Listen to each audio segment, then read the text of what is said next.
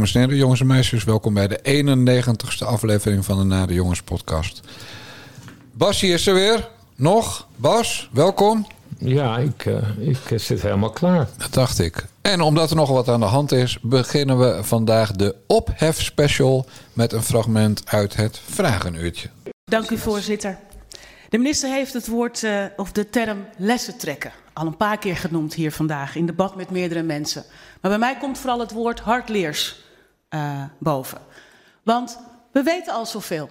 Al sinds 2011 worden demonstranten tegen Zwarte Piet structureel, het zij door de politie zelf, het zij door omstanders gefaciliteerd door een politie die niets doet, in hun recht getreden. Al sinds 2011. Uw vraag aan de minister? Mijn vraag is: op welk moment gaan we deze zogenaamde geleerde lessen in de praktijk brengen? En waarom heeft deze minister zoveel weerstand tegen een onafhankelijk onderzoek door de Raad voor de Veiligheid uh, uh, of anderszins, waarbij zowel gemeenten, politie, uh, uh, alle, alle vormen van gezag die betrokken zijn bij het waarborgen van de veiligheid van deze demonstranten. Waarom is er zoveel weerstand tegen zo'n breed uh, onderzoek? Want er is ook ja. dit jaar, voorzitter, de laatste mevrouw, opmerking. Nee, mevrouw Simons, u gaat echt door de tijd. Mevrouw, eerst even het woord aan de minister. Voorzitter, ik heb helemaal geen weerstand ertegen. Ik zeg alleen dat het per locatie, per moment, per afweging zo kan verschillen dat ik het juist heel sterk vind dat er nu een onafhankelijk onderzoek naar hoe is dit gegaan in die driehoek en in die gemeente juist nu plaatsvindt, zodat je daarop kunt inzoomen. Ik begrijp wat mevrouw Simons zegt. Zij zegt, nou, dan heb je het in Staphorst onderzocht. Maar dit gebeurt op meer plekken, dit gebeurt vaker. Daarom zeg ik ook, dan kun je aan de hand van die onderzoeken dat naast elkaar leggen en ook zeggen, wat kunnen we hier met elkaar uh, zo van leren dat dit gewoon niet meer gebeurt. Maar ik kan niet na afgelopen weekend hier de conclusies al gaan invullen over hoe dat precies lokaal daar is gegaan. Dat we die beelden die we hebben gezien, dat ik ze nooit had willen zien, dat mag duidelijk zijn. Maar nu wil ik het onderbouwd hebben aan de hand van onafhankelijk onderzoek, waarbij ze kunnen aanwijzen en dit en dit en dit moet je anders doen. Wil je dit voorkomen? Dat heb ik dan wel nodig. Mevrouw Simons. Voorzitter, sinds 2011 worden demonstranten die zich verweren tegen de racistische karikatuur Zwarte Piet, of door de politie zelf met geweld tegemoet getreden, of met geweld gefaciliteerd door een politie die erbij staat en niets doet. In 2016 hebben we het verschrikkelijke tafereel in Rotterdam gezien. Op welk onderzoek wil deze minister nog wachten? Hoeveel demonstranten moeten nog met gevaar voor eigen leven slachtoffer worden? Wat weten we nog niet? Dat is mijn vraag aan deze minister. Ik kan me niet voorstellen dat hier een minister staat die zegt: Het gebeurt al tien jaar, maar ik wil eerst even weten wat er in Staphorst is gebeurd. Dank u wel, mevrouw Er is heel vaak in deze Kamer beweerd dat, dat ik geïrriteerd zou zijn. En dit is het moment, voorzitter. Nu ben ik geïrriteerd. Want al elf jaar lang worden mensen in elkaar geslagen. Door de politie of door mensen die door de politie alle kans daartoe krijgen. Mevrouw en hier Simons. staat de minister. Ja, mevrouw Simons. Mevrouw Simons, dit, Ik ben geïrriteerd. mevrouw Simons, ik snap de emoties die dit oproept, maar het, het is geen debat, het is een mondelinge vraaguur. Dus ik moet ook even zorgen dat iedereen aan bod komt. Het woord is aan de minister nu. Ik probeer even mijn woorden te vinden, want ik voel minstens net zoveel irritatie. Ik laat mijn politieagenten niet op deze manier wegzetten. Ik laat mijn politieagenten niet wegzetten Nee. alsof ze wel bewust, doelbewust op burgers afstappen om hen in elkaar te meppen. We leven in een rechtsstaat en als dingen niet goed zijn gegaan, hebben we daar onafhankelijke instituties voor die daar onderzoek naar doen. En ik laat mijn politiemensen niet zo wegzetten. Als afgelopen dingen, weekend dingen fout zijn gegaan, en dat zeg ik hier de hele tijd, op een beheerste manier, om geen onderdeel te worden van het debat, om het niet te vervuilen, zeg ik laat het onderzoeken en dan zullen we ook optreden richting ieder die daar een fout heeft gemaakt. Daar heb ik niks aan afgedaan, geen seconde. Maar om nou hier te staan en om te zeggen dat al tientallen jaren hier de politie doelbewust achter Nederlanders aangaat om ze neer te meppen, vind ik een gospe, vind ik een schande. En ik sta voor mijn politiemensen. Ik sta er morgen weer, ik stond er gisteren ook en dat zal ik blijven gaan. Dat laat ik niemand zeggen. Dank u wel. Alleen een onafhankelijk onderzoek dat kan aanwijzen, hier is het fout gegaan en daar handelen we naar zoals het hoort. En dan gedragen we ons er ook allemaal naar en daar leren we dan de lessen van. Ik laat niet 60.000 mensen die dag en nacht zich inzetten voor onze veiligheid, wegzetten als een stel racisten. Hell no. Het lijkt wel of dat we op de markt staan tussen de viswijven, Bas. Wat een ordinair gegil, man. Ja, ze gingen beide los, maar mijn sympathie lag in deze toch wel bij, eh, bij Dylan Jeziklus. Oh god. Waarom? Nou ja, je hoort toch hoe het eindigt. Eh, Jezus Lust die is er zwaar niet van gediend dat Sylvana Simons uh, meermaals zegt dat, dat de politie uh, bewust sinds 2011 uh, die KOCP'ers aan het in elkaar slaan is. En nou ja, de minister van Veiligheid en van Justitie en Veiligheid die neemt het terecht op voor haar mensen. En daarom zegt ze ook, ja, ik neem het niet dat je mij mensen racisten noemt. Hell no. Dat is prachtig, prachtig. Ja, dat vind je wel genieten. Ja, dat, dat, dat is smullen. Maar ze kan, ze kan het... We hebben nu een keer een... Een, een positief dingetje. Een positief, positieve kakelkip. Ja. Uh, bleek een... Uh, ja, nee, ze, ik, vond dat, ik vond dat ze het wel goed deed. Ja, en Sylvana Simons, die liet zich natuurlijk weer vreselijk kennen. Uh, want het is, het is ook de tweede keer hè, uh, dat, ze, dat, ze, dat ze woedend wordt en, uh, en begint te schreeuwen en uiteindelijk de Tweede Kamer uitloopt. Want dat deed ze ook in juni vorig jaar. toen zat ze in een debat met, volgens mij was hij toen al demissionair, Vert Grapperhaus, die toen minister van Justitie. Justitie en Veiligheid was. En toen, oh, wat zei Grapperhaus alweer? Nou ja, de, uh, het, ging over, het ging over drugs, meen ik. En, uh, en hij, hij vergeleek iets met oh, ja. het Amerikaans. Nou, zoiets was het. Als dit een narco-staat zou zijn. Ja, en, dat nou, was en toen weer woedend. Toen begon ze ook te schreeuwen. En, uh, en toen liep ze ook schreeuwend de kamer uit. En dit keer liep ze alleen de, stond ze te schreeuwen in de kamer. En liep daarna boos weg. Maar toen schreeuwde ze niet meer. Maar het, is... was weer crazy. Savannah Simmons die heeft, uh, die heeft anger issues. Want ze is, eh, iedereen is, vindt, vindt haar eigenlijk best wel goed in het debat. En soms komt ze met hele goede punten. Hè, dat wordt ja, ja, van zelfs wij. Rechts. Ja. Hè, zelfs wij praten wel eens met uh, waardering over haar. Maar als het over dit soort dingen gaat, man. Het is, het is, je wordt er bijna bang van. Het is gewoon ook schreeuwen, hè? Ja. Vera Bergkamp, die notabene dan haar microfoon uitzetten. Dat, dat, is, dat is... Opeens Vera Bergkamp, die, die deed opeens wat de voorzitter hoorde doen. ja, ik heb, uh, ik heb met verbijstering zitten luisteren, moet ik eerlijk zeggen. Ja. Kijk, want het is inderdaad wel zo dat de politie af en toe zo'n mafkees van Kik uit Zwarte Piet op de grond heeft gedrukt. Hè? En in 2011, waar ze het steeds over heeft, ging dat om uh, Jerry Afri en uh, toen nog zijn vriend. Hè? Quincy Gario. Ja, precies. Toen nog zijn vriend Quincy Gario.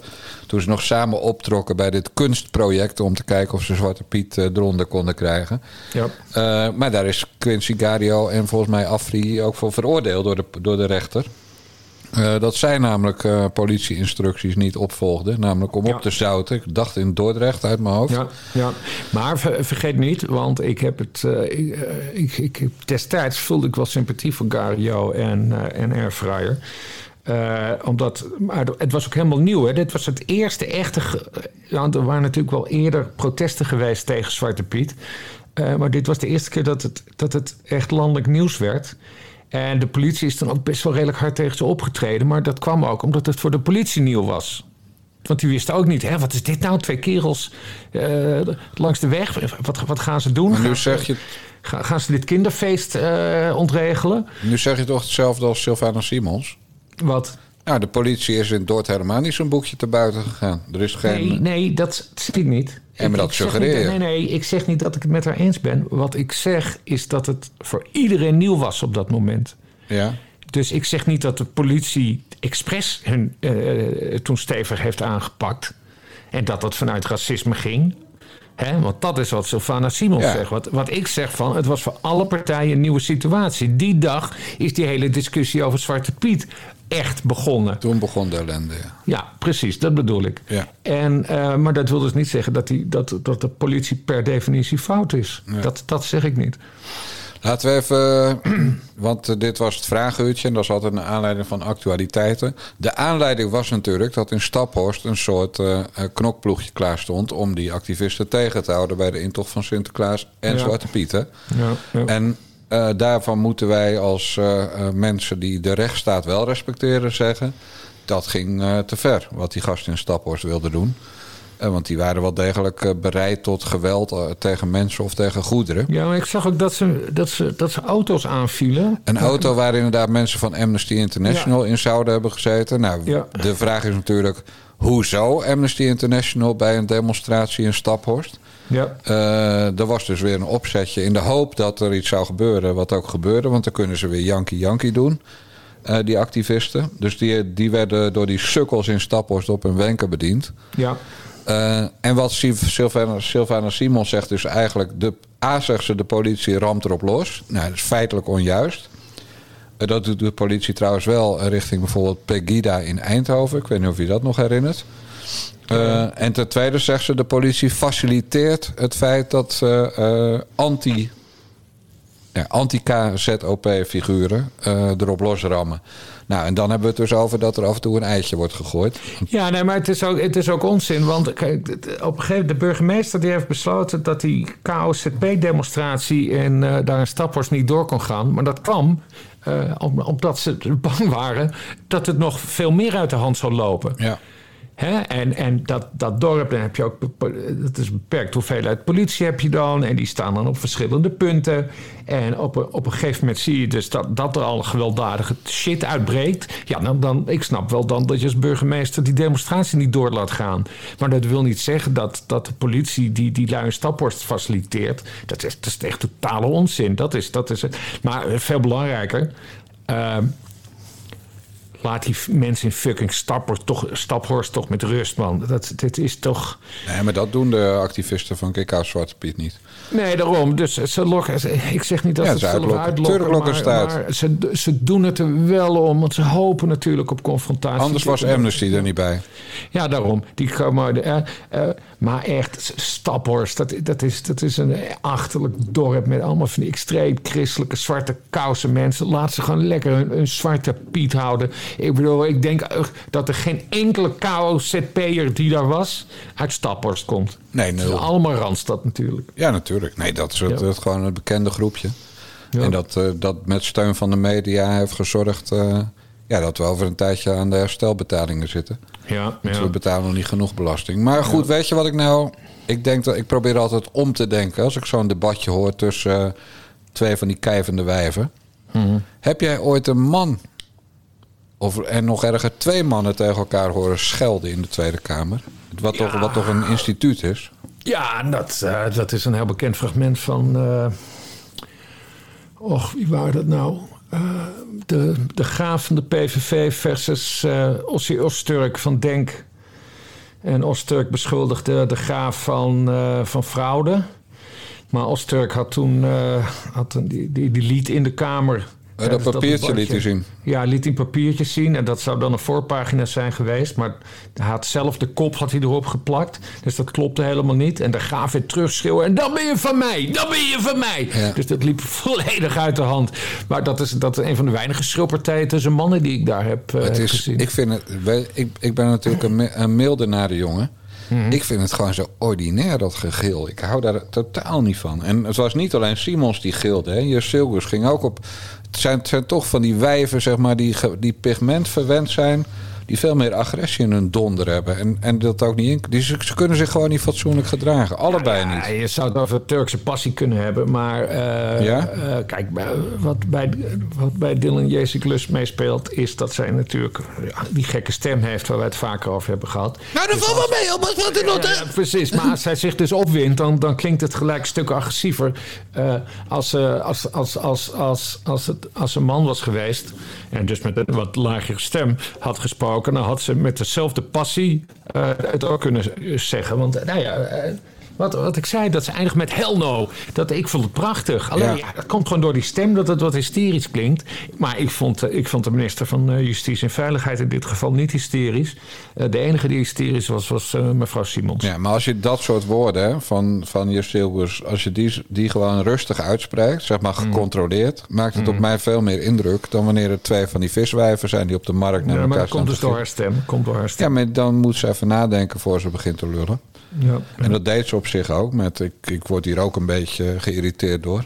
Ja. Nou, je weet toch dat Sylvana Simons nu twee keer uh, kam andere Kamerleden terecht heeft gewezen. Die zeiden: mevrouw Simons doet nogal geïrriteerd. En dan ging ze heel geïrriteerd zeggen: Ik ben niet geïrriteerd. Ja. Maar vandaag uh, gaf ze zelf de voorzet dat door twee keer te zeggen: Ik ben geïrriteerd. Ja, precies. Nou, Dus, dus het verschil tussen niet geïrriteerd en wel geïrriteerd zijn, is dat ze iets harder gilt.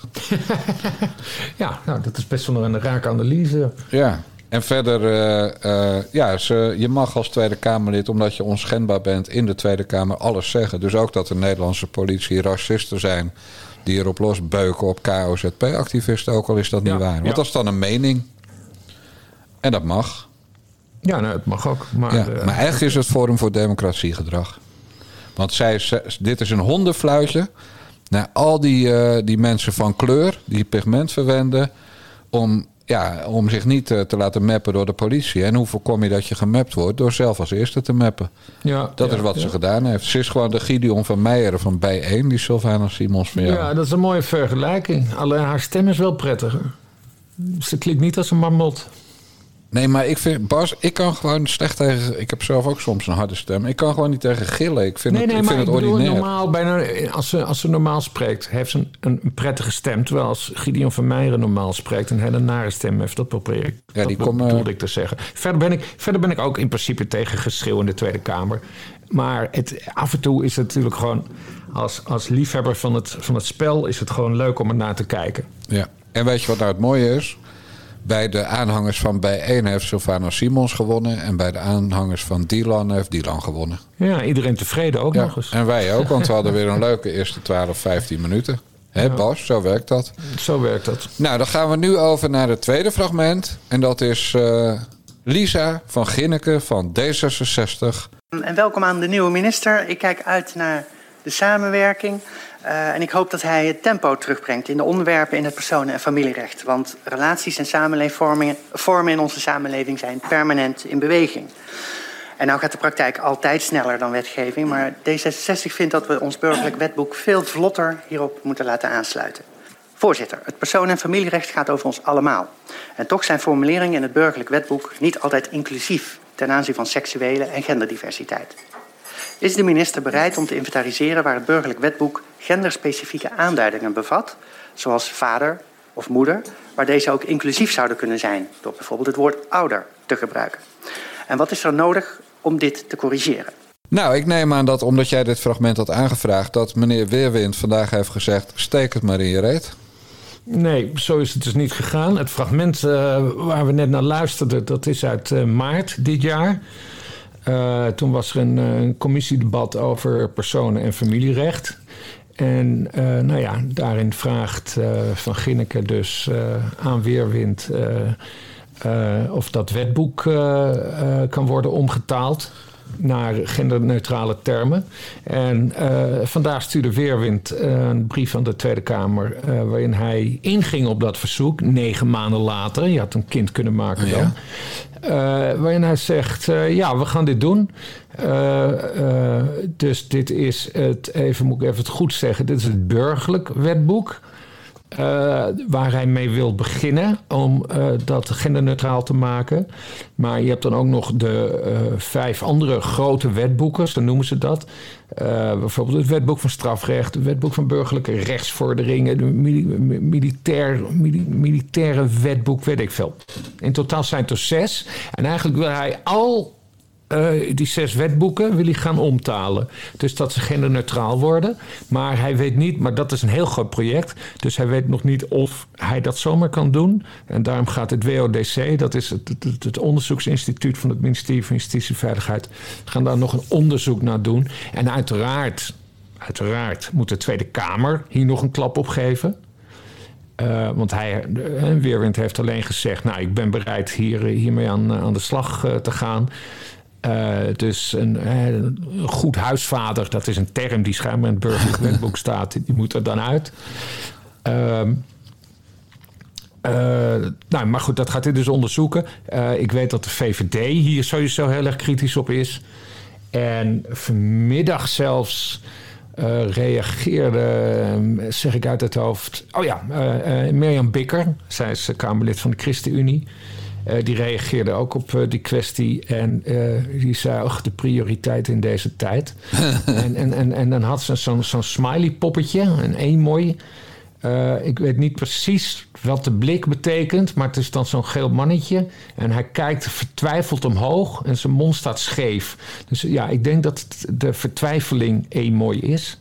Maar goed, ChristenUnie en VVD die zien het dus niet zitten Maar het, dus gaat... het is de vraag of dit er überhaupt uh, doorheen komt. Nou ja, PvdA ziet het zitten, GroenLinks ziet het zitten, D66 ziet het zitten. Ja. VVD ziet het zitten omdat Kaag wil dat de VVD het ziet zitten. Ja. Ik, nou eh, nee, de VVD, ik denk dus niet dat de VVD... Nee, maar Rutte is, uh, die gaat dan weer even een keer naar de fractie. Stuurt hij een ja. appje, een sms'je van jongens... Uh, we gaan toch niet het kabinet laten vallen over goed huisvader, goed huisvrouw of goed huismens. Ja, en, en, en, Weerwind had nog een verrassing in de brief trouwens. Waar ze niet eens, uh, waar Verginneke niet eens om had gevraagd. Maar hij wil, hè, je, hebt, je, hebt, je weet wat een transgender man is. Hè? Dat is een, een vrouw die uh, ja, een vrouw die man is geworden. Transman heet dat. Die is omgebouwd tot, tot man. Ja, en andersom heet het trans. Maar nu komt hij. Maar, maar nu komt hij. Als die dan nog een vagina en baarmoeder heeft... Ja. kan die dus zwanger worden. Ja. Die man kan, die transgender man kan dus zwanger worden en bevallen. Ja. Maar hoe moet dat dan in de burgerlijke stand worden beschreven? En daar heeft Weerwind, dat schrijft hij dus in die brief. En daar heeft hij geen toestemming van de Kamer voor nodig, als ik het goed begrijp. Dus dat heeft hij al in werking gezet. Als een transgenderman bevalt, kan dat binnenkort, wordt hij dan uh, uh, beschreven in de burgerlijke stand als ouder uit wie het kind is geboren. Jezus Christus. dat is toch te bizar. Dus dan gaat zo'n transgender man, die is bevallen van zijn zoon of dochter, die wordt dan ingeschreven als ouder uit wie het kind is geboren. Alleen maar om te vermijden. Maar het is een man geworden. Ja, nee, maar alleen maar om te vermijden uh, dat het dus een, een, een, een, een, een transgender man is. Want dat, dat zou dan kwetsend zijn. Ik zou, stel je voor dat, dat ik uh, vrouw was en heel graag man zou willen zijn.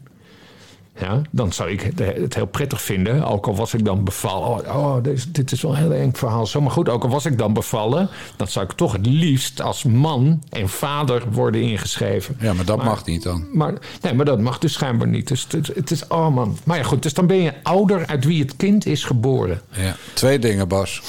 Stel dat dat kind, hè. Dat dat kind dan voor het eerst naar school gaat. Uh, dus naar groep 1 van de basisschool. En dan zegt de juf, uh, en Alexandertje, uh, hoe is het bij jou thuis? En dan zegt Alexander, nou, ik heb een, uh, een, een vader. En ik heb een ouder uit wie ik ben geboren. Dat is standaard situatie, toch? en mijn vader heet Kees en mijn, mijn moeder heette vroeger Kees. Maar die, of nee, en mijn ouder uit wie ik ben geboren heette vroeger Kees. Nee, natuurlijk niet. Hij heette vroeger Marie. Ja, maar die heet nu ook Kees. En die heet nu Kees. Dus die twee die hebben liggen kezen. Ja. En toen is uh, de vader en de ouder uit wie het kind is geboren, die hebben een kindje gekregen. Maar die transgenderman, die zou ook uh, een relatie kunnen hebben met een, een, een, ver, een, ja, ja, een vrouw en, uh, dan heb je hem. En, en, dan zou die dus moeten zijn geïmpregneerd door een. geïmpregneerd. ja, hoe heet dat? Ge, ge, nou ja. Zwanger gemaakt door weer iemand anders. Met zaad van iemand anders, ja. ja, ja. Bijvoorbeeld een zaaddonor, zoals dat heet. Ja, echt. Het is allemaal zo ingewikkeld. Ja, maar dit, kijk, dit, hier begint het mee. Maar wat ik op school zeg is natuurlijk wel straks een dingetje. Als dan de meester of de juf, in de groep 1 is meestal de juf, zo werkt dat nog steeds in Nederland, of een mm. tot juf gemaakte man een zogenaamde transvrouw. maar als die dan iets verkeerd zegt, dus die zegt dan bijvoorbeeld: Oh, dus Alexandertje, jouw vader heet Kees en je moeder heet uh, Marie. En dat Alexander dan gaat huilen met... Ik, ik heb helemaal geen moeder, ik heb een ouder uit wie ik geboren ben. Ja, ja dan, dan wordt die juf ontslagen. Daar gaan we naartoe in uh, Wokieland, uh, Nederland. Ja, ja, ja. Ik hoef denk ik niet te zeggen, Bas Paternotte. Ja, ik ga eerst nog wat anders vertellen, een nieuwtje. Oh. Asja ten Broeke heeft een, uh, een verklaring op dit gebied uitgebracht op Facebook gisteren. Oh. Asja ten Broeke is een mevrouw die bij de Volkskrant eens per twee weken een column mag schrijven zodat ze zichzelf columniste mag noemen. Ze laat zich en laat alle scholen in de buurt van, uh, laat ik zeggen, Apeldoorn en Deventer, die regio, laat alle scholen gewaarschuwd zijn. Ze laat zich binnenkort uh, omscholen tot docenten maatschappijleer. Dus het kan dat je kind les gaat krijgen als je in die regio woont van Asja ten Broeke. Maar die heeft dus een hele verklaring op Facebook gezet. dat ze een heel goed gesprek heeft gehad met haar man. Dat ze voor altijd bij elkaar willen blijven. Dat ze heel erg dol op elkaar zijn. En mhm. dat ze ook naar elkaar hebben uitgesproken dat ze allebei van de verkeerde kant zijn, zoals wij dat in mijn jeugd noemden. Dus zij is uh, lesbisch en hij is homoseksueel. Mhm. Maar ze blijven wel bij elkaar. En uh, ja, er was een heel verhaal op Facebook. Nou, dat is natuurlijk uitlokking van uh, wat zij altijd rechtse mensen noemen. Hè? Die hopen dan dat, dat ze afgezeken worden.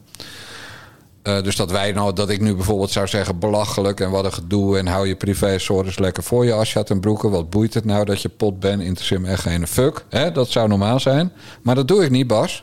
Hmm. Ik wil Asja ten Broeke feliciteren met het feit dat ze erachter is gekomen dat ze lesbisch is.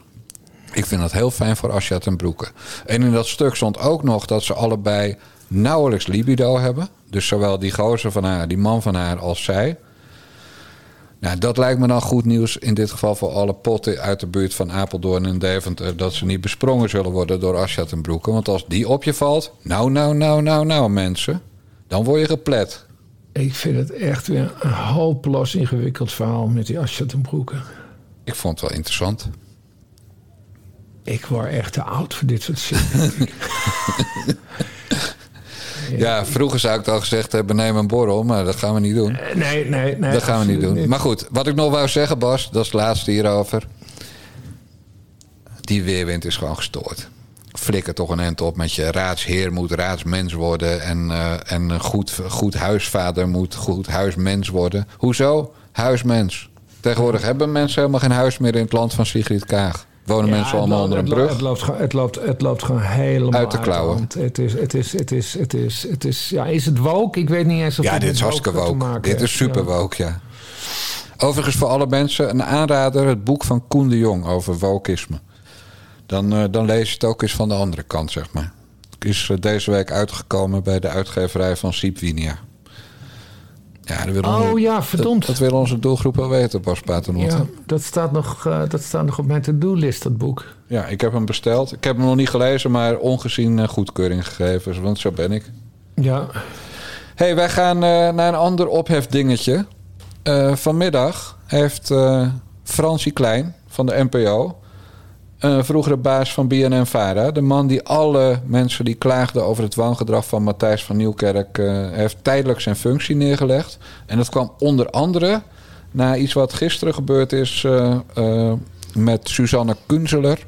Die, in, die het had, dat is de directeur van BNN-Vara... die de eerste was uit die kringen die ruiterlijk excuses aanbood... voor alles wat er gebeurd is. Maar die zat bij Nieuwsuur. En daar wil ik even een fragmentje van laten horen dat bewijst dat niet iedereen bij de publieke omroep een klootzak of een teringwijf is. Er komt nu een onafhankelijk onderzoek als we naar de toekomst kijken. Uh, NPO is vanavond uh, dat aangekondigd.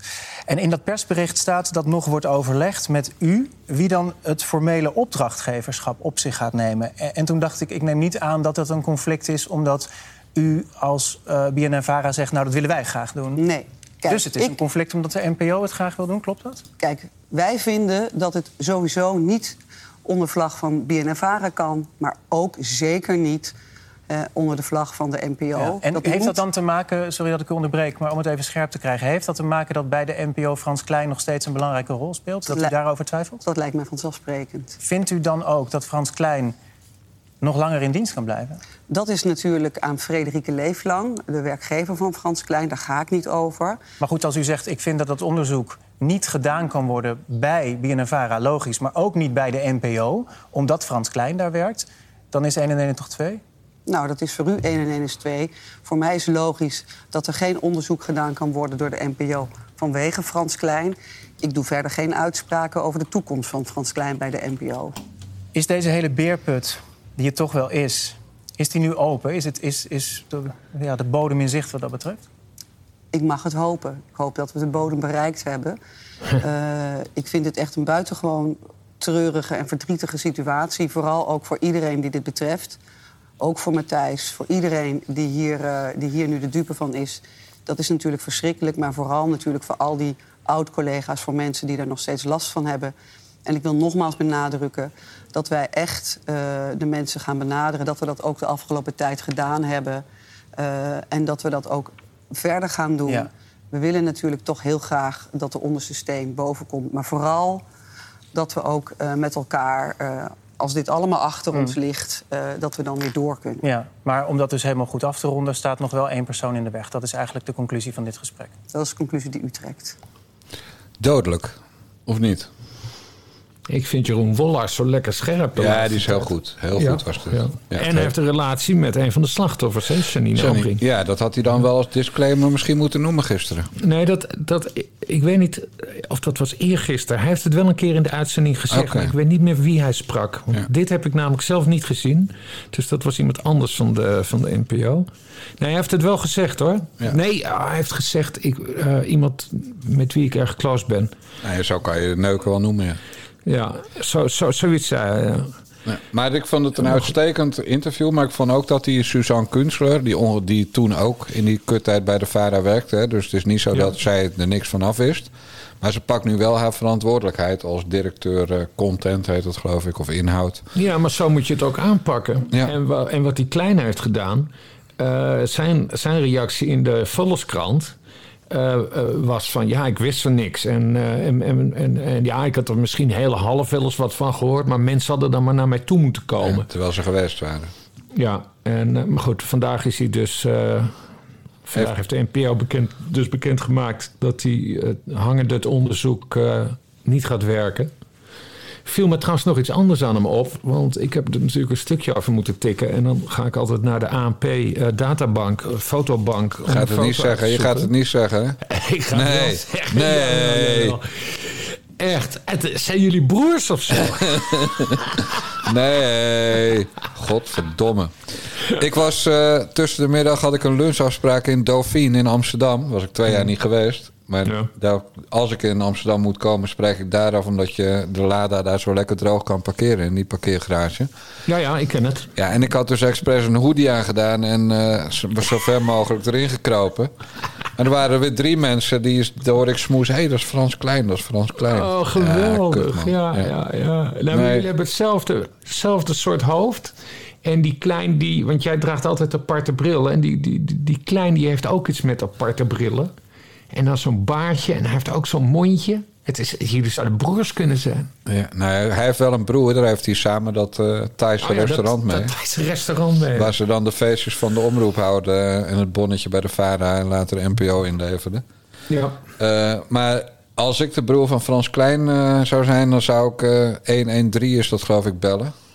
Van weerhoud me van zelfmoord. Want ik zou echt nooit van zo'n vieze, smerige teringleier de broer willen zijn. Nee, nee. Uh, het wordt trouwens ook eens gezegd over Maurits Hendricks, vroeger van uh, eh, NOC-NSF. Mm -hmm. En zelf, uh, ja, dat is, dat is misschien nog net voor jouw tijd, ik denk het niet. Maar zelf vind ik eerlijk gezegd dat ik totaal niet op Frans Klein lijk. Behalve dat ik ook kaal ben en inderdaad een bril heb. Maar ik heb bijvoorbeeld veel grotere oren, dus ik luister beter. Maar ik vind zelf dat ik het meest overeenkomst heb met de oud-journalist Willem Bemboom. Ken je, die naam nog? Van ja. NOS-journaal. Maar dan de magere dijkgraaf. Toen ik nog een snor had. Willem Bemboom. Ik weet dat je nu meteen gaat kijken. Maar die heeft echt zo'n uh, zeg maar zo'n zo'n wat ik ook een beetje heb van mijn moeders kant. Ja, want ik heb wel eens foto's van jou gezien. Uh, met snor. Met, met, haar en snor. Ja. Ja, ik zie je nu. Ja, Willem Bemboom. Zijn Volgens mij zijn zoon die zat bij ons op school. Ja, dat klopt. Ja, ja. ja, dat klopt. Maar goed, eh, er is niks erger bijna dan voor Frans Klein te worden uitgemaakt als je in Amsterdam bent. Nee. Uh, dus, maar, maar, heel lullig hoor. Ja, ja nee, zwaar lullig. Ik bedoel, vroeger zeiden ze wel eens van... is dat die klootzak van Panorama? Maar dat hoorde ik toch liever dan... hé, hey, daar loopt Frans Klein. Ja, precies, precies. En bovendien, ik loop ook helemaal niet nichterig. Loopt hij niet terug, ja? Hartstikke. En ik heb ook niet zo'n hoog stemmetje, zo'n piepstemmetje. Maar is hij ook van die kant? Bas, dat soort dingen boeien mij toch niet? Uh, ja. Ja, echt? Ja, natuurlijk. Wist ik niet, wist ik niet, wist ik niet. Nou ja, dat is wel uh, inclusiviteit en diversiteit bij de publieke omroep natuurlijk. Ja, nee, maar ze maken er een mooie bende van. Maar goed, die gast die heeft dus uh, jaren geleden al zijn 25-jarig jubileum bij de VARA gevierd. Dus hij loopt al minstens 30 jaar rond in die wereld. Dus ja. Uh, hoeveel slachtoffers zal die gemaakt hebben? Ja, hij is helemaal onderaan begonnen. Hij is begonnen als administrateur, geloof ja. ik. Zullen wij nog wedden of die terugkomt? Uh, Ja, dit is natuurlijk wel een ego-mannetje. Maar kijk, Matthijs van Nieuwkerk heeft uiteindelijk ook ingezien dat het misschien maar beter is dat hij opstapt. En dat is ook een beetje van: uh, uh, je kan me niet ontslaan, ik ga zelf weg. Ja. Maar uh, ja. Dat kan hij zich ook financieel veroorloven en klein. Er komt, er komt nu ook een. Kijk, dat, er komt dus een onafhankelijk onderzoek. Nou, dat is sowieso slecht nieuws. Want als de NPO het zou doen, hè, dan kunnen ze elkaar nog een beetje dekken. Ja. Uh, ja, als hij als die, als die verstandig is, zou die de eer aan zichzelf kunnen houden. Vaststellingsovereenkomst en wegwezen. Maar je weet, het, eh, je weet het niet, want dit is natuurlijk een ego-mannetje. En, uh, nou, weet je wat, wat hij als voordeel heeft? Al die uh, omroepbaasjes, zoals uh, Bert Huisjes, Dominique Weesie, Jan Slachter... Ja, die, die doen precies wat hij graag wil, hè? Die kruipen allemaal in zijn reet. Ja. En dan niet een beetje, maar ik weet nog wel uit die paar weken dat ik bij Poont rondliep... dat Dominique Weesie al heel hoog opgaf over Frans Klein... die hij eigenlijk zijn coach noemde. Ja, maar tegelijkertijd heeft die Klein natuurlijk ook heel veel vijanden... omdat hij allemaal programma-ideeën van omroepen natuurlijk kapot gemaakt heeft. Omdat hij zeg maar de eindbeslisser is. Die man heeft dus ook eigenlijk veel te veel macht. Absoluut, je had veel te veel macht. Dus dat, dat, deugt, eh, dat deugt ook niet. Het is een wellicht positief neveneffect van deze hele affaire, deze Van Nieuwkerk-gate, zou eventueel kunnen zijn dat, dat de NPO en de, en, de, en de omroepen daar nog eens even goed naar gaan kijken. Van, uh, is het slim dat wij uh, zoveel macht bij de directeur video van de NPO leggen? Ja, goed punt. Hij gaat er letterlijk over 500 miljoen euro van ja, het belastinggeld. Want 400 kost de organisatie, geloof ik. En 500 is voor de programma's, als tv, als ik het goed heb. Dus de, ja, die man die heeft inderdaad uh, de hand eigenlijk in zijn eentje. Is die gewoon, hij zegt dan uh, dat dat niet zo is, maar dat eigenlijk is hij in zijn eentje gewoon de baas. Hij kan programma's en programmamakers maken en breken. Ja, want je hebt, je hebt natuurlijk ook nog zendercoördinatoren. Hebben niks te vertellen. En er zullen ongetwijfeld ook nog coördinatoren per omroep zijn. Ja. Maar uit al die, al die lijntjes, uh, die komen uiteindelijk bij hem uit. En hij, hij is de decision maker. Nou, dat lijkt me een hele ongezonde situatie. Uh, helemaal omdat het ons belastinggeld is, verdorie. Precies. Waarom ik nou zo'n pleurensekel heb aan WNL... Die mm zogenaamd rechtse omroep is omdat, als, moet je even de tijdlijn op Twitter van Bert Huisjes, de hoofdredacteur-directeur, nakijken. Mm Die zit er altijd bovenop als hij bijvoorbeeld Forum voor Democratie kan bashen. Dan zit hij ook bij spraakmakers en dan twittert hij. En nu gewoon is Bert Huisjes uh, totaal onzichtbaar. Ja. Want Bert Huisjes is een van de beste vrienden geworden van Fransie Klein. En, en krijgt veel meer programma's dan waar hij gezien het aantal leden van WNL recht op heeft. Dus ik snap ja. Bert Huisjes dat hij dat doet als je geen ruggengraat hebt en je wil gewoon zoveel mogelijk programma's en dus geld krijgen, dan moet je zo, vooral zo zijn. Ja. Maar dit is waarom ik, waarom ik het haat als mensen zich laten inkapselen door viespeuken als Fransie Klein. Ja. Nou ja, ik kijk dus, ik kijk dus uh, nauwelijks televisie. En uh, sowieso nou helemaal geen, uh, tot voor kort helemaal geen WNL. Omdat ze, ze, hebben, dat, ze hebben een soort ochtendontbijtprogramma. Ja. Nou ja. Dat zie jij nu natuurlijk. Nou ja, voordat ik uh, in retraite ging. Uh, uh, niks over vertellen. Dit... Lag, ik, lag ik gewoon nog in bed. Ja. nee, maar goed, de mensen weten dat ik in retraite ben geweest. Dat ja, dat is ook wel. Maar geen inhoudelijke mededelingen. Nee, niet inhoudelijk. Aan die mee... ze weten dat ik in retraite ben geweest. Dat klopt. sinds die retraite sta ik dus vroeger op. Dus ik heb nu een paar keer dat ochtendprogramma gezien, dat ontbijtprogramma. En ik heb voor het eerst dat zondagochtendprogramma gezien. Uh, met... Uh, Rick Nieman. Met Rick Nieman. En? Ja... Ik, ik, vind het allemaal niet heel erg hoogstaande televisie. En dat, en, dat, en dat door de weekochtendprogramma... dat wordt eigenlijk alleen maar door vrouwen gemaakt, zag ik. Dus dat is, dan, dat is vast dan wel weer positief op een bepaalde manier. Racist? Maar het is, ja, nee. Het, eh, ik, ik, ben geloof ik niet heel erg fan van WNL. Ik vind het ook niet heel erg rechts of zo. Terwijl ze, ze zouden een soort telegraaf op televisie worden. Maar dat is allemaal niet Dat is echt volledig mislukt. Nee, wat nog wel belangrijk is voor de mensen om te weten... is dat WNL nog maar een paar maanden geleden Mark Koster op straat keilde. Die was mediadeskundige altijd bij WNL, op radio en op tv. Ja. En die werd er eigenlijk uitgegooid omdat hij voor een opdra andere opdrachtgever, hij is freelancer, bezig was met artikelen over de NPO. Ja. En toen zei Bert Huisjes meteen: ja, maar als je over de NPO gaat schrijven, en dan bedoelde hij natuurlijk kritisch schrijven, ja. Uh, dan kunnen wij niet meer blijven samenwerken. En toen ja, maar is dat Mark... is toch geen. Och man, Bert Huizes. Eh, wat is zijn achtergrond? Is hij zelf journalist geweest? AD jarenlang en Telegraaf, misdaadverslaggever. Oké. En niet eens een slecht hoor. En Mark Koster, en Mark Koster die, die, die is dus bezig met de NPO. Dat wist ik trouwens. Nee, was hij. Maanden ja, geleden. Ik, was, was. Ja. Ook met, dat, met dat, dat pad voor die Schule Rijksman had hij ontdekt, geloof ik. Ja, toen werd hij eruit geflikkerd. En, ja, maar dat, dat slaat dus helemaal nergens op. Ik bedoel, uh, die Bert Huisjes... Uh, ja, hij valt wel onder de NPO, maar je bent natuurlijk WNL. Hij heeft toch dan ook zijn eigen verantwoordelijkheid? Maar, oftewel, hij doet het waarschijnlijk ook in de broek voor die, voor die klein. Bert Huisjes had, gaf Rob de Wijk en AJ Boekenstein een programma. Moet ja. ik nog meer vertellen? Ja. En in een van de. En in dat, van, maar Boekenstein niet. En in dat programma was. Uh, uh, hoe heet die? Met die tanden uit Brussel. Guy Verhofstadt een keer te gast. Ja. Een, een hagiografie over Guy Verhofstadt bij ja. WNL. Ja. Heet die Harstersman? Ja. En, en weet je wie op zaterdagmiddag een programma voor WNL op de radio doet? Nou. Of deed, weet ik niet meer. Shazia Mourali. Ach, Jezus. Van uh, de zwakste schakel. Ja. dus er zijn van de vrouwenpanel zit daar. Of ik weet niet of het nog is hoor, maar misschien zat. En een van de vrouwenpanel. En daar zaten echt alleen maar linkse wijven. Ja. Bij WNL. Dus het is... Als Frans Klein gaat, dan zeg ik neem Bert Huisje maar meteen mee. Ja, en, ja, maak, ja. Uh, en maak Margreet Spijker daar hoofdredacteur. Want die is er ook inmiddels uitgekegeld bij WNL.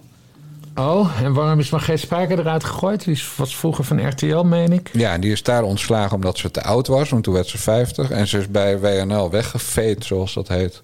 Oké. Okay. En, uh, en ze, het is een dame, dus is te netjes om de vuile was buiten te hangen. Maar uh, zij was met Mark Koster op de radio zaterdagmiddag. Dat was gewoon echt leuk. Niks mis ja. mee. Koster voor de, voor de, zeg maar, de peper en zout. En Margreet voor de, de normale inhoud. Ja. Dat was top. Maar ja, de, ook up, wegwezen. Maar toen, kijk, toen Margreet Spijker bij RTL werd uitgekegeld omdat ze 50 was... toen wist Bert Huisjes niet hoe snel die er naar WNL moet halen. En waarom? Nou, een beetje hetzelfde als waarom Matthijs van Nieuwkerk... die, uh, die tuigvlogger uit Zaandam groot maakte. Hmm. In het Algemeen Dagblad. Ja, dan pakken ze even wat extra publiciteit. Van kijk, ons is deugen. Wij nemen een bejaarde aan. Een, ja, een vrouw ja, van ja. 50. Nou ja, ik heb nu dus een paar van die afleveringen gezien. En ik vind het, ik vind het driemaal poep. En, want de bedoeling, wat, dat is het enige wat ik me nog herinner. Van WNL zou een soort telegraaftelevisie moeten worden. Nou, dat hebben ze dus duidelijk, overduidelijk niet waargemaakt. Nee, dat klopt. En uh, als je dan toch zondag of uh, s ochtends zo vroeg wakker bent... kan je beter een stukje gaan tikken, Bas. Ja. En dan, dan verdien je nog wat euro's aan. Ja, precies. Hey, we moeten het natuurlijk ook uh, even over het WK voetbal hebben. En ik heb uit uh, Bo, want jij, ik, ik dank, dag Bas, kijk nooit tv, maar misschien heb je dit ook wel gezien. Bij Bo zat gisteravond AD-journalist Thijs Zonneveld. Uh, bekend oud wielrenner, bekend wielerjournalist, maar hij zat daar nu ook als voetbalkenner. Ik weet niet mm. waar, waar dat opeens vandaan kwam. Een heel kort fragment. Dan komen we meteen even bij onze volgende vriend, Thijs. En Thijs is echt sportfanaat. Hij houdt van alles wat fietst, wat, wat, wat hockeyt, wat voetbalt, wat, wat sport is. En wat heb jij gedaan? Ik heb gekeken of ze een statement zouden maken. Of ze een alternatief hadden bedacht voor het regenboogbandje. Jezus. Toen bleek dat dat niet het geval was. Toen uh, ben ik wat anders gaan doen. Je bent wat anders gaan doen? Ja. Deugen, deugen, ja, deugen. Echt. En, en oh man. En, wat had, wat had hij dan gedacht? Dat, dat, dat, dat, ze, dat ze echt een alternatief zouden bedenken voor de wedstrijd. Die, die mannen, dit zijn professionals. Die, die, die, die moeten fucking voetballen op het hoogste niveau, op het WK. Natuurlijk gaan ze geen alternatief bedenken. Idiot. Ik bedoel, de, de, oh, ik kan daar echt woedend van worden. Van Gaal die was dat er ook heel duidelijk over. Die zei van nou prima die band en, en, en, en uh, met die... Uh, uh, met die arbeiders die al die stadions hebben gebouwd. Nou, daar, daar, gaan we ook iets leuks mee doen. Maar daarna is het klaar. Daarna gaan we voetballen. Godverdorie. En dan, en dan wil zo'n knaap van het AD is hij toch? Die wil dan, die wil dan dat, dat, dat Virgil van Dijk nog even een alternatief gaat bedenken voor het deugen. Zo de mieter om, man. Hij had gewoon naar die wedstrijd moeten kijken. Ik vond het trouwens een geweldige wedstrijd. Ik heb ervan genoten. Nee, echt, echt, echt. Ik heb ervan genoten. Ik zal er, nee, nee, ik zal er even heel snel doorheen lopen. Ik zal er heel snel doorheen lopen. Eerste helft. Eerste helft. Ik wist helemaal niks van Senegal. Ik zie opeens dat al die kerels extreem lang zijn. En zwart. En, ja, nee, dat niet divers. Waren, dat, dat had ik wel oh. ingeschat. Hun, hun coach trouwens, geen buitenlander, echte Senegalees. Ja. In een uh, fantastisch trainingspak. En, en van die lange, hoe heet het? Die, die, die rast, rastenharen. Ja. En hij, hij, leek een beetje op Snoop Dogg, die rapper. rapper. en, nee, maar ik vond het fantastisch. En die, die zat er helemaal in. En uh, ze waren hartstikke dominant in die eerste helft. Wie? De Senegalezen. Oh, oké. Okay. Ja. En uh, die drummers van, van hun legioen vond ik ook geweldig. Dat, uh, die zijn gesponsord door Duracell. Die hebben gewoon, die hebben gewoon, nee, maar die hebben honderd, meer dan 100 minuten. Uh, hebben ze continu op die trommels lopen rammen. En ik vond het een wel leuk sfeertje hoor. Ik vind die trommels duizend keer leuker dan, dan weet ik veel, een van de Hollands kutlied van nou wie, zijn Nederlandse sponsors? Een of andere kaasboer of zo. Dat, die, dat ze dan een stom liedje hebben en dat ze dat allemaal gaan zingen. Ik vond het prachtig, die trommels. Maar de tweede helft, ik, oh, ik vond het zo mooi. Ik noem dat altijd een magisch kwartiertje. Als, als Nederland achter staat of op 0-0, dan, dan twitter ik altijd op de 75ste minuut. Nu begint het magisch kwartiertje. En dan, en dan, dan winnen we. En dat gebeurde dus.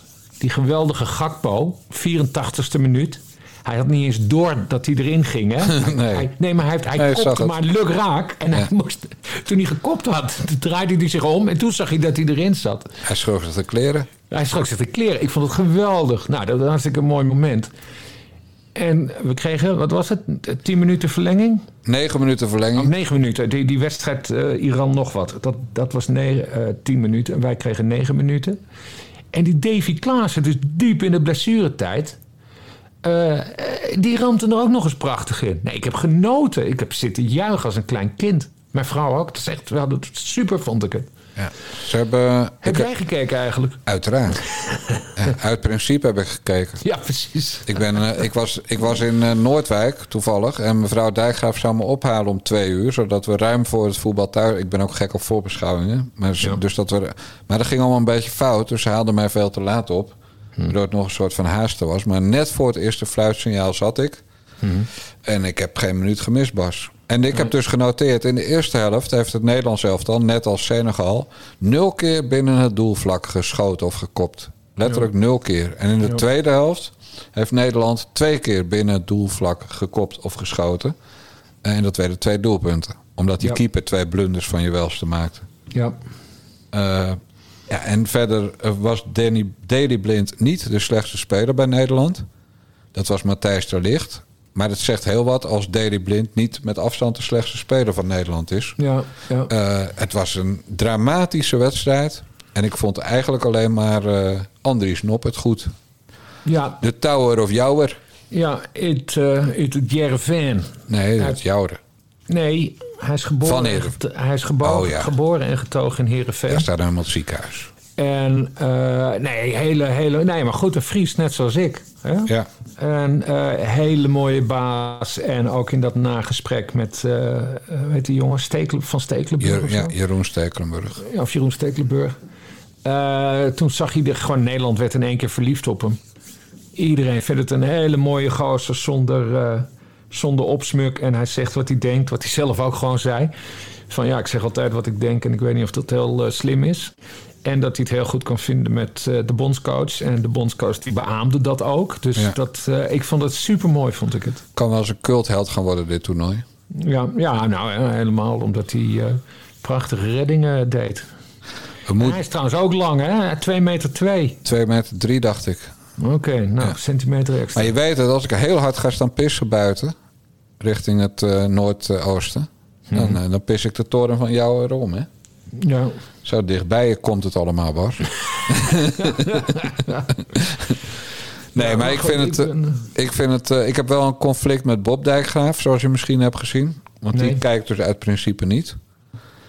Uh, nee, je niet. Ja, maar ik geloof dat het meer met die klootzakjes van het Nederlands elftal te maken heeft dan, uh, dan met uh, Qatar. Oké.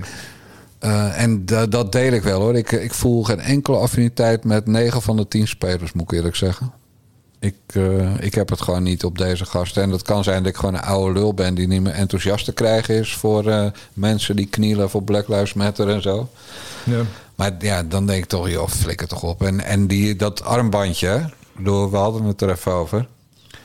Het was zo met heel veel bravoure dat Virgil van Dijk de activist liep uit te hangen. En hij droeg het armbandje niet omdat de FIFA had besloten dat iedereen die het armbandje droeg een gele kaart eh, zou krijgen. Nou, en als verdediger wil je natuurlijk niet tegen een tweede gele kaart oplopen, want dan A speel je de wedstrijd uit met 10 man.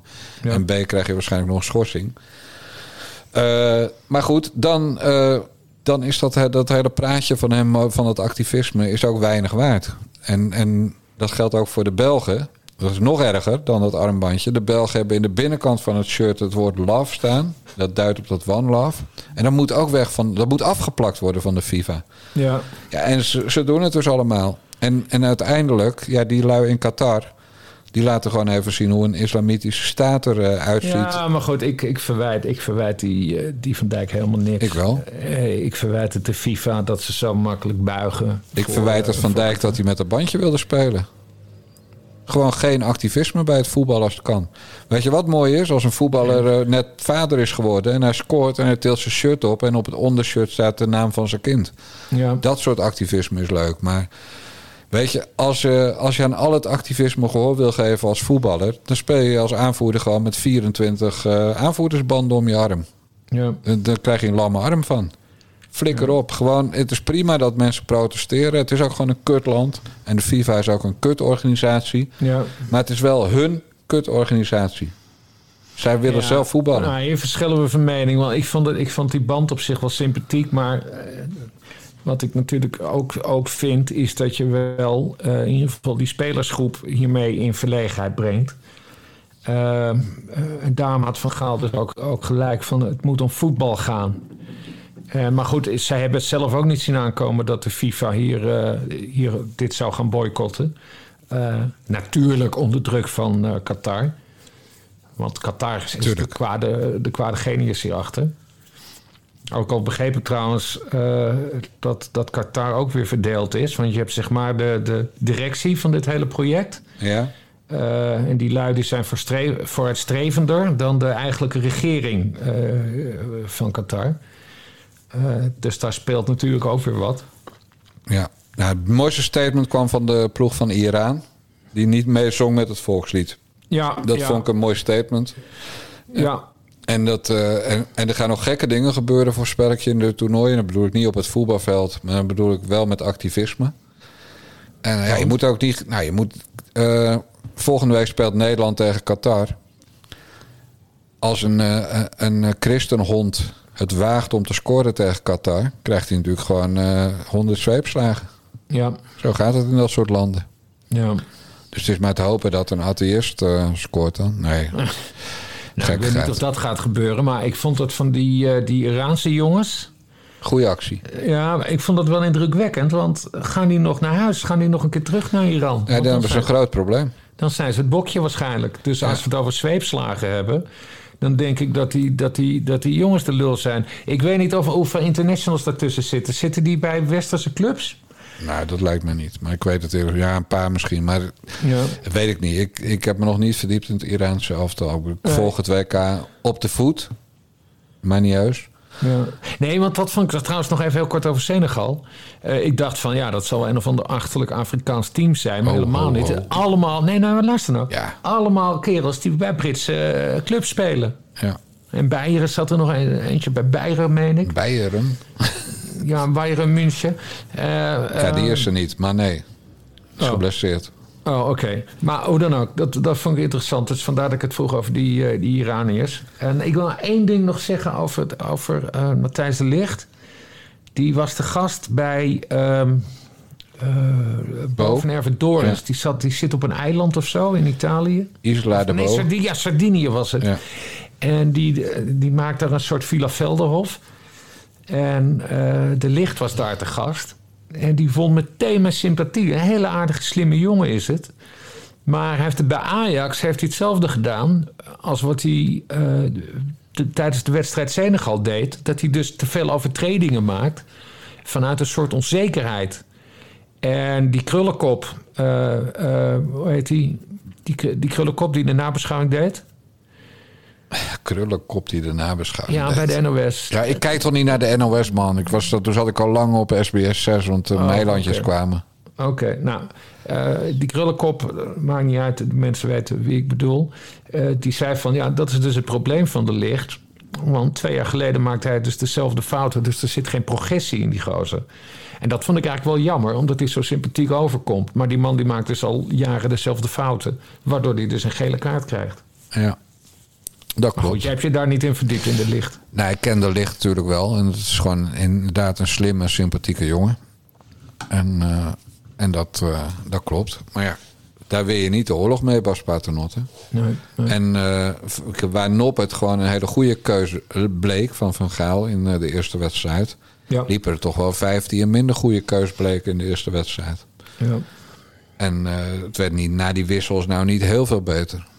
Ja, wat Van Gaal ook goed ziet, is dat Daley Blind, en dan ben ik even eerlijk, in het Nederlands elftal een stuk uh, beter is dan uh, bij Ajax. En dat heeft te maken met het feit dat ze met vijf verdedigers spelen.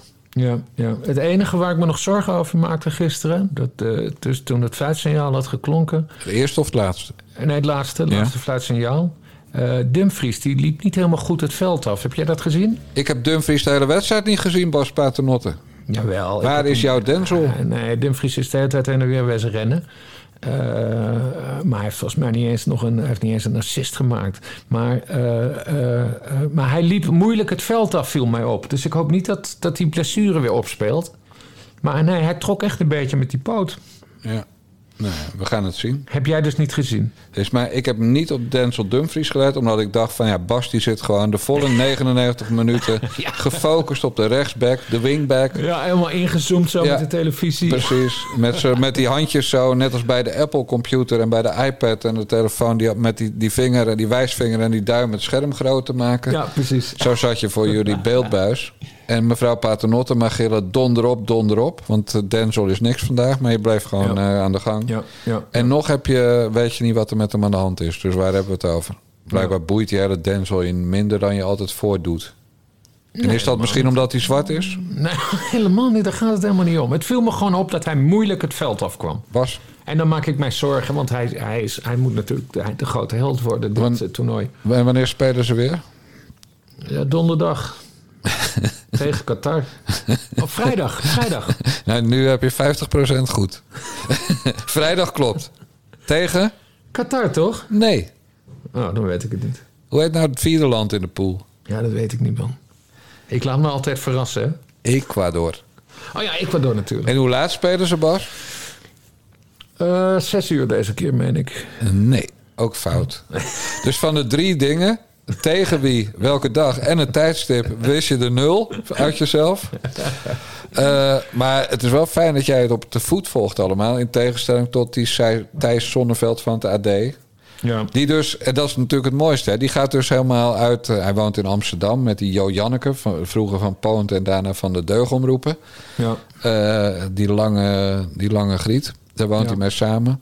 Ja. En dan gaat hij dus helemaal naar de studio van Bo om te vertellen nou, ik, ik heb dus tv aangezet. Toen heb ik gewacht op uh, of ze in plaats van het armbandje een statement gingen doen. Ja. En toen deden ze geen statement. En toen heb ik woedend heb ik de afstandsbediening gepakt en heb, ben ik ge, gezept naar Nederland 2.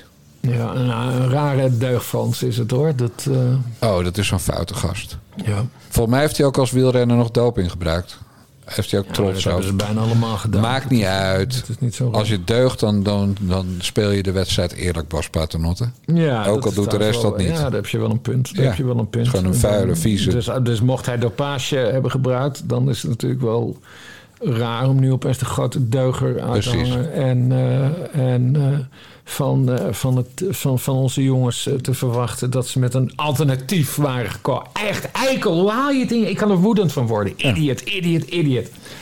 Dat bedoel ik. Weet je wie geen idioot is? Nou. Phil Collins. Want, beste mensen, de terugkeer van Bas Paternotte... en vooral de uitzending uit de Basje en Jan Moskee... waarin Bas Paternotte afgelopen zondag te biecht ging... heeft gezorgd voor een tsunami aan nieuwe abonnees... bij petjeaf.com slash naar de jongens. En we noteren de volgende namen. Mark, Arjen, Stijn, Gemma, Hendrikus, Ab, Harmen, Marion, Han, Imre, Roy, Leonie, CBW, Gijs, Maurits, Jolanda, Martin, Johan, Kees, Kik, Michael, Erik, Daniel, Ilko, Monique, een bekende van ons, Ankie, Chibbe, Mark en Vincent. Goeie score, Bas. Ik uh, tel acht vrouwen. Als Kik tenminste ook een vrouw is. Kik lijkt mij een jongensnaam. Nee, uh, een, uh, een, van de Kennedy-zusters, een van de zusters van John F. Kennedy, die heette ook Kik. Nou, ik ga, ga gewoon mailen met Kik en dan hoor je het volgende keer. Maar ik heb dus meegeteld acht. Ja. En die Monique, die ken ik ook. Ja, ik zag, uh, zag een bekende naam. Ik ga die achternaam natuurlijk niet noemen, want nee, die wil natuurlijk niet met jou geassocieerd worden in het, in het echte leven. Heel verstandig. Maar uh, leuk dat uh, Monique er ook bij is. Ja. Nu mevrouw Dijkgraaf nog. Ja. Die is uh, vreemd genoeg geen abonnee. Ja. Die vindt eigenlijk alles wat ik doe kut.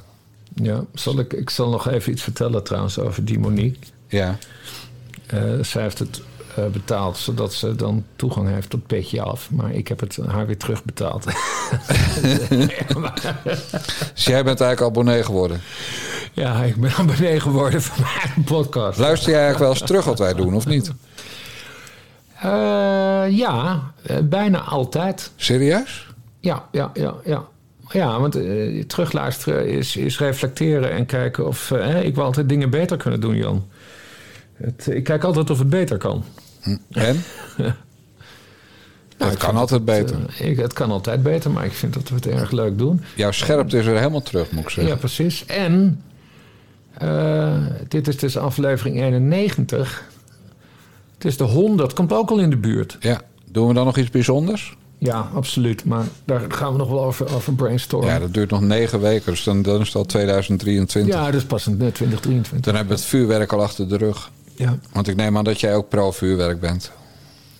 Uh, ik heb vuurwerk afsteken nooit leuk gevonden, maar ik mag er wel graag naar kijken. Ja, dat bedoel ik. Dat we, dat, dat, dat niet een staatsaangelegenheid wordt. Nee. Dan moet je helemaal naar de jaarbeurs of zo om te gaan kijken. Ik weet helemaal niet uh, hoe dat eigenlijk nu gaat in Utrecht. Of ze dat al gaan doen, staatsvuurwerk. Uh, dit jaar had, was, waren er wel heel veel mensen die vuurwerk afstaken. Maar ik wist helemaal ik weet niet of dat legaal was eigenlijk dat ze dat deden. Nee, ik heb geen idee. Het, uh, in Eestega is het een beetje lauwloenen geworden. Er wonen allemaal oudere mensen tegenwoordig. Ja. De kinderen trekken weg. Dus, uh... Maar zie je dan, kun je dan vanuit. Vanuit... Ja, wij zien Lemmer. Ja, ik wil net ja, zeggen, natuurlijk. zie je dan vuurwerk boven Lemmer? Ja, absoluut. Ja, en, dan heb je maar, iets... maar eerst mijn eigen sterretjes afsteken altijd. Hè? Ja, ja. Ik heb nee, één, dat is ook krijg... goed voor de alpaca's. Die schrikken dan niet zo. Nee, ik krijg altijd één zakje sterretjes van mevrouw Dijkgraaf. en en zo'n aansteeklont. En dan zegt ze, nou, Jan. Jan, veel plezier, jongen. Ja. Geniet ervan.